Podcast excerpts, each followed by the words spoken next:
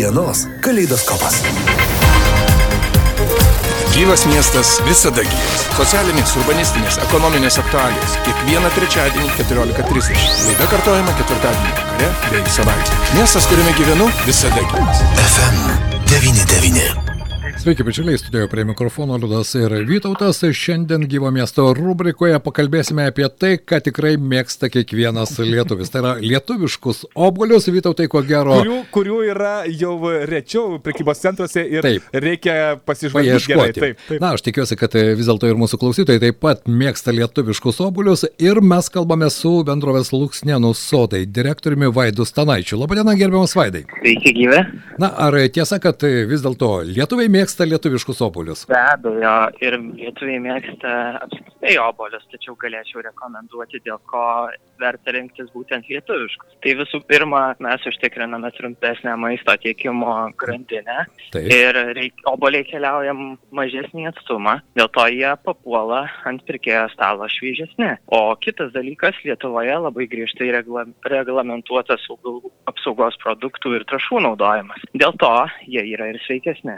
Vadinasi, chemijos Luksnėnų sodo obuoliuose yra mažiau negu obuoliuose, kurie atkeliauja ten iš pietinių Europos šalių - Ispanijos, na, tos pačios Lenkijos. Luksnėnų sodų oboliuose chemijos apskritai beveik nėra, nes jie yra sertifikuoti kaip nacionalinės kokybės produkcija. Tačiau net ir kalbant apskritai apie visus lietuviškus obolius, bet koks lietuviškas obolys yra sveikesnis negu įvežtinis.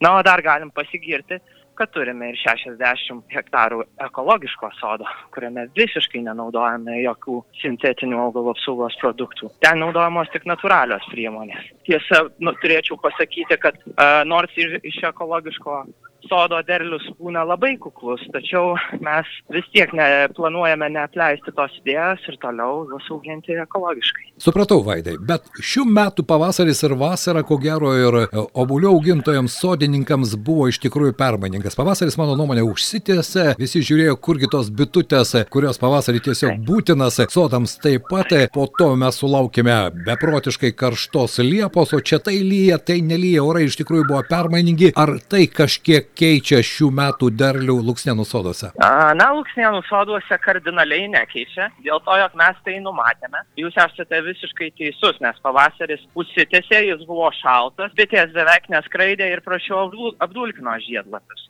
Tačiau mes susisakėme 10 aviliukų po tris šeimas, taip vadinamų tripolių, kamanių iš Olandijos. Ir tiesiog pirmą kartą tą darėme, tai nežinojom tiksliai, kaip, kaip, kaip mums pasiseks, nes tai nėra pigus malonumas ir rizikinga daug investuoti. Tačiau rezultatai yra tokie geri, o kitais metais mes planuojame jų parsivežti 20. Oho. Tai luks, Luksnienų soduose obolių tikrai netruks. Ir tikrai manau, jog bent jau lytiškiam visiems bus galimybė jų paragauti. O dar bendradarbiavame su didžiaisiais prekybos tinklais, tai šiuo metu Maxima ir iki. Štai, jūs paminėjote olandiškas bitutes, ar ne? Mes jas Manęs, jeigu tiksliau norėčiau patikslinti. Taip, joms permainingi orai netokie baisus, nes kai apsiniaukia lietus lyja, lietuviškos bitutės irgi sėdi namuose, aviliuose. Taip, na, o kamanės dėl to ir įdomu, jog jos skraido net ir esant silpnam vėjui arba lyjant lietui. Jos yra kur kas darbštesnės negu bitės ir mūsų žiedlapius neblogai apdulkina.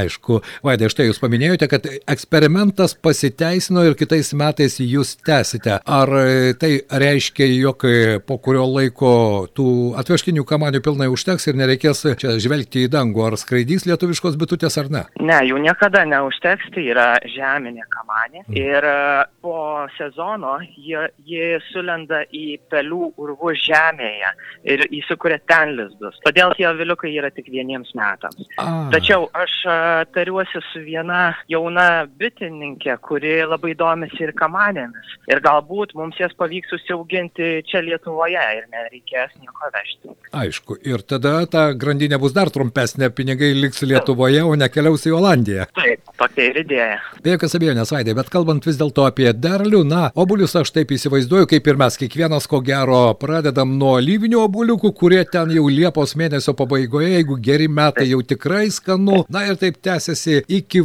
na, priklausomai nuo rudens, iki pat lapkričio mėnesio, ar ne, ir taip ir jūsų obuolių skinimo laikas Ar ne maždaug toks yra? Visiškai, visiškai teisingai. Alyvinius mes visus jau nuskynėme ir visus pardavėme.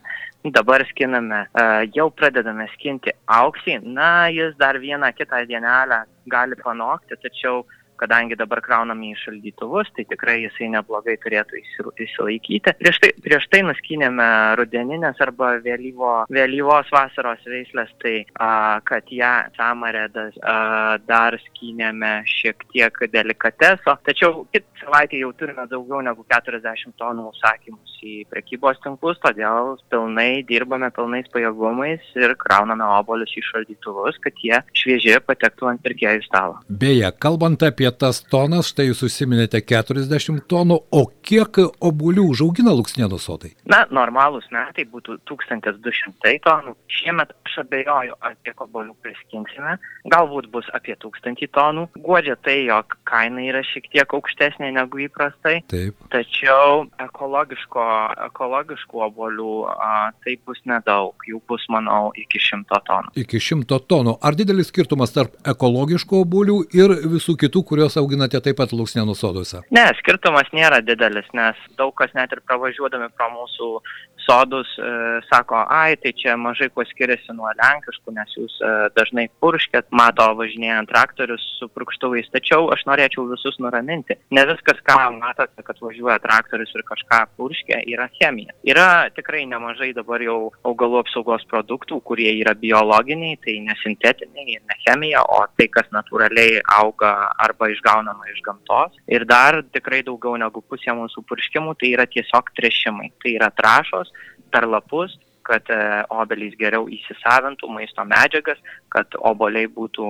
ne tik gražiai atrodantys, bet ir duotų realią naudą žmogui, tai yra savyje turėtų pakankamai vitaminų ir mineralų. Vaidai, kalbant apie būtent jūs ne vieną kartą akcentavote, kad e, ekologiški oboliai jums yra tam tikra prasme vis tiek. Aš suprantu, tai yra tam tikra prasme prioritetas. Kodėl? Na, a, visų pirma, tai mes nesivaikome kažkokių pinigų ir, ir ne, nesiekiama apgauti vartotojo.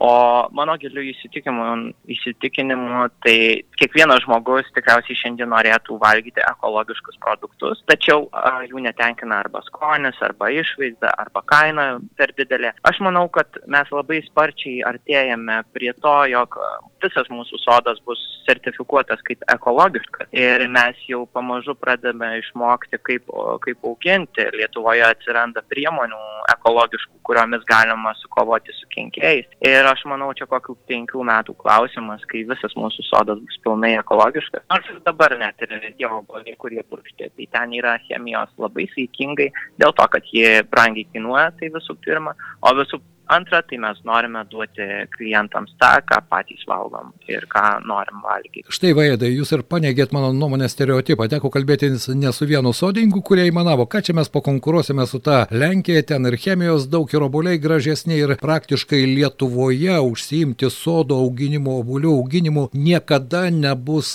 nei perspektyvų, nei tai duos geras pajamas ir gerą pelną. Jūs štai kalbate visiškai kitaip, jog ne tik pinigas yra svarbu. Taip, na, e, žinot, jei dėl pinigų, tai šiai dienai tikrai neužsijimčiau sodininkystę, tačiau uh, iš, pa, iš pagarbos uh, savo dėjom žinatilsi močiutė Elenai Žilinskiniai noriu tęsti tą veiklą ir tame matau uh, didelę prasme. Jeigu reiktų uh, daryti viską nuo nulio, tai tai tikrai yra sudėtinga, pelno čia nelieka didelio ir reikia nuolatos daug investuoti techniką, galų galia ir į tuos pačius žmonės, jiems nupirkti įrangą, darbo rūbus ir taip toliau. Tai maždaug 80 procentų mūsų pajamų ir yra išleidžiama darbuotojų atlyginimam. Nors tie atlyginimai nėra dideli, tačiau mes dabar ruošiamės įdarbinti apie 100 žmonių. Tai reiškia, jog jie ne tik, kad neprašys pašalpų iš darbo biržos, tačiau uh, užsidirbs ir dar galės savo šeimas išlaikyti. Štai jūs užsiminėte apie ponę Eleną, su kuria man ne vieną kartą teko bendrauti kalbant ne tik apie obuolius, bet ir apie žmogiškus santykius. Ir štai dabar pakalbėkime apie tuos žmonės. Šiais laikais iš vienos pusės bedarbystė atrodo labai didelė, iš kitos pusės darbdaviai skundžiasi, jog laisvų darbo vietų yra. Ir štai tokį darbą, skinti obuolius, atrodo, ko gero mes prisiminsime savo jaunystėje ir e, ne tik jaunystę, mokyklinius laikus, kai mes keliaudavome į kolūkius ir e, bulvių ieškoti ir obuolių skinti. Dabar viso to nėra. Vaidai, kaip pavyksta surasti žmonių, kurie štai atėjus derliui, derlio skinimui metų, jie ateitų ir užsidirbtų ir, kaip jūs sakote, ir savo šeimoms padėtų ir patys pašalpų neprašytų? Na tai motivacija surasti žmonės yra tik viena - siūlyti uh, didesnį atlyginimą. Ir, o mano nuomonė, uh, šį dienai nedirba tie, kas nenori dirbti. Nes darbo yra tikrai daug ir pilna, na, ne visiems jisai malonus, ne visiems jisai uh, fiziškai, uh, ne visi fiziškai pajėgus jį daryti. Taip. Tačiau šiai dienai mes vis dar ieškome apie 40 darbuotojų, kurie galėtų porą mėnesių uh, paskinti obolius. Mes siūlome nuo 25 iki 30 eurų į dieną. Įdarbiname pagal laikino įdarbinimo paslaugų kvitus, tai yra atlyginimai bus mokami kas savaitę arba kas dvi. O uždarbis priklauso nuo to, kokius obolius skinsime, kaip skinsime, kiek priskinsime. Ir netgi sudarysime galimybės, e, samdysime transportą, jog darbuotojus atsivežtume iš Alitaus e, į darbą ir vakare parvežtume. Na štai, jeigu jūs turite porą mėnesių laisvo laiko arba jūs nebenorite būti išlaikytiniu, puikia galimybė prisidėti prie Luksnėnų sodų derliaus nuėmimo vaidai. Ar e, kalbant apie tos žmonės, kurie, štai jūs sakote, dar 40 žmonių jums reikia, apie šimto reikia derlių nuimti. Kokie žmonės dažniausiai kreipiasi į Luksnienų sodus? Na, kol dar vis dar yra vasaros sezonas, tai tikrai sulaukiame nemažai jaunimo mokyklų ar studentų, kuriem reikia pasiruošti mokykloms ar universitetams ir jie, e, jie noriai registravosi, tačiau mūsų pagrindiniai darbai prasidės nuo rugsėjo pirmosios, kai Taip. tas visas jaunimas iškeliaus į mokyklas arba aukštasias mokyklas. Mes e, sudarysime galimybę tokiems žmonėms dirbti šeštadienį. Na, sekmadieniais tikriausiai nedirbsime, nes patys norime šiek tiek pailsėti, tačiau tikrai, jeigu būtų tokių, kurie norėtų dirbti šeštadieniais, tai kviečiame registruotis. Galite mumis, su mumis susisiekti per Facebooką arba žinute, parašyti savo vardą, pavardę, e, iš kur gyvenate ir mes jūs įtrauksime sąrašą. Lankstus, Vytautai, ar ne, grafikas, darbo grafikas, bent jau šeštadienį jauni žmonės iš tikrųjų vietoj to, kad bimbinėti, gali puikiai ir savo piniginę papildyti ir šiek tiek darbinių įgūdžių įgauti. Tai irgi yra labai svarbu vaidai. Nuo ko prasidėjo jūsų meilė sodui? Aš puikiai suprantu, kad Elena ko gero sugebėjo įdėkti, bet vis dėlto, kas buvo tas postumis? Ar vien tik tai močiutės pavyzdys? Ne, tikrai ne ir aš neplanavau, jog kada nors dirbsiu Luksnienų soduose, nes iš tiesų baigus mokyklą planavau važiuoti gyventi į Londoną ir planavau galbūt ten mokytis ir studijuoti. Tačiau po 12 klasės nuvažiavus ten pabūti mėnesį ir pamačius tą miesto šurmulį, tą visą asfaltą, betoną, stiklą, tiesiog kažkaip supratau, jog aš esu gamtos vaikas ir aš pasilgsiu tos gamtos. Būtent Luksnienų sodai ir suteikia tą galimybę būti gamtoje kvėpuoti grįno oru, matyti žalius medžius, žalią žolę. Ir mūsų, kaip aš ir sakau, mūsų sodas yra visas gyvas. Tai jame yra ir stirnų, teko matyti ir elnių, ir briedžių, apie lapes, barsukus, ežikus ir visus kitus gyvūnus jau net nekalbu. Tai tikrai kviečiam prisijungti prie mūsų komandos ir bent jau keletą dienų pabandyti paskinti obolius, galbūt jums patiks. Ir pajusti obolio skonį, tikrą gyvo obolio skonį, nes obolys, mano nuomonė, netgi nuskintas nuo medžio vis dėlto lieka gyvas. Taip, obolys ir yra gyvas, na, obolys jis kaip ir bet koks augalas jis kvepuoja.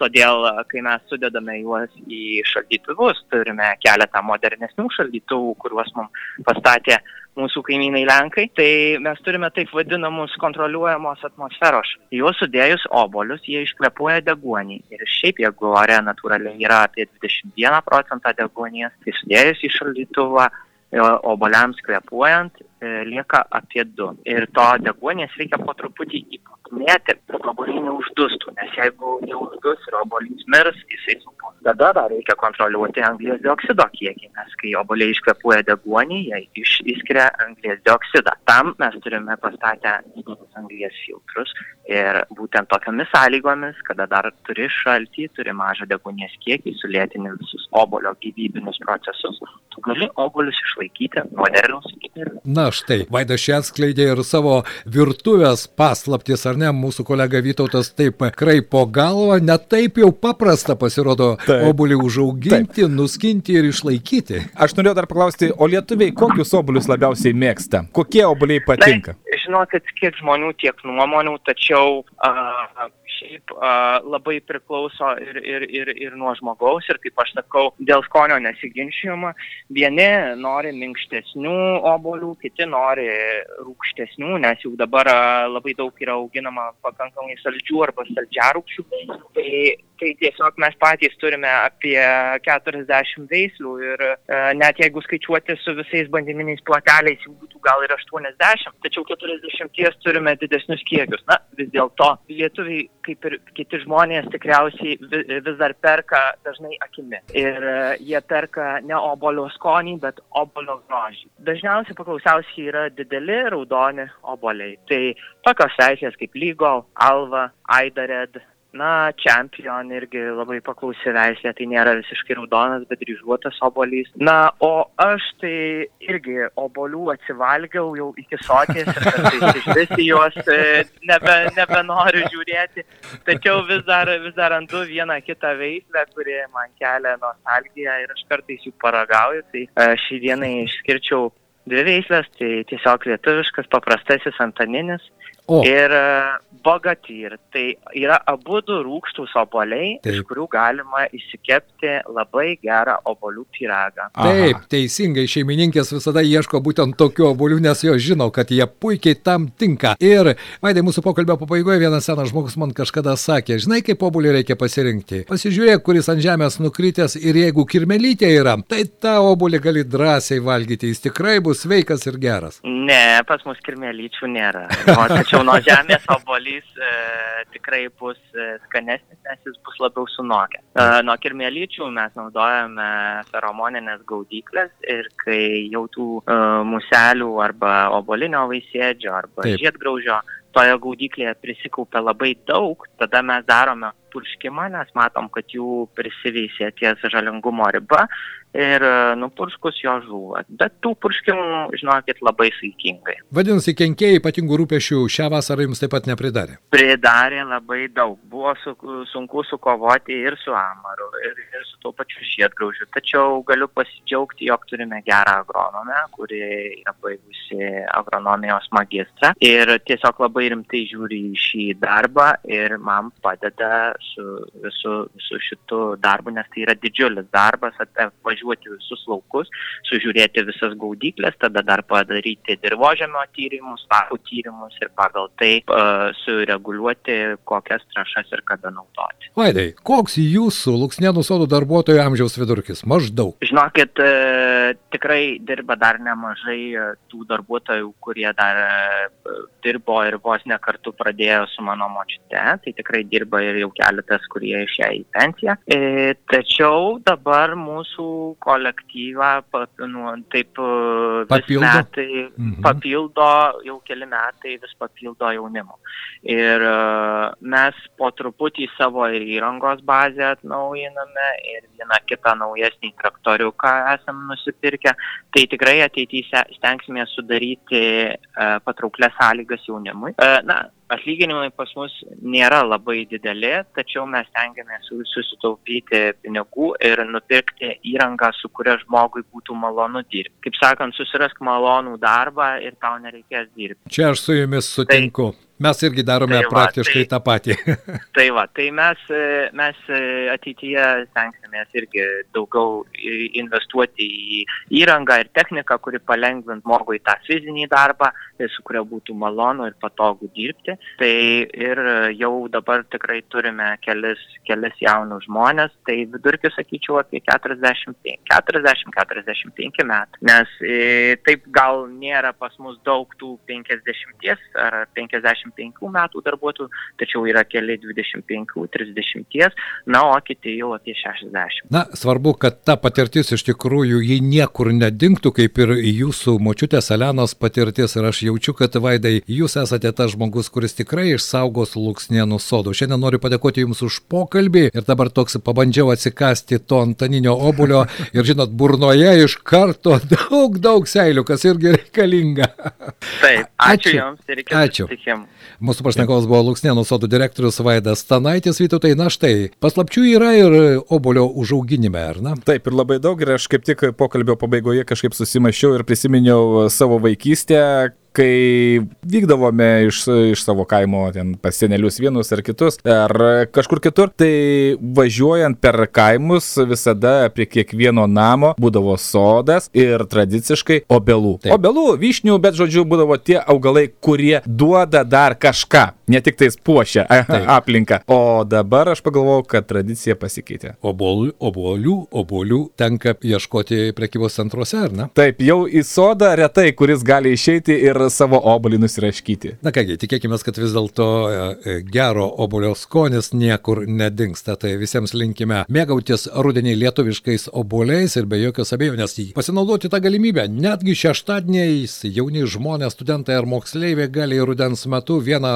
dieną per savaitę padirbėti Luksnenų soduose. Svarbiausia, griname ore, ne Taip. kažkur šaldytuvose, ne kažkur ten uždaryti cechų prie staklių. O taip, ore ir tikėkime, kad ruduo bus gražus gražus. Gyvas miestas visada gyvas. Socialinės, urbanistinės, ekonominės aktualijos. Laidoje Gyvas miestas. Kiekvieną trečiadienį 14.30. Kartuojama ketvirtadienį vakarais bei savaitgaliais.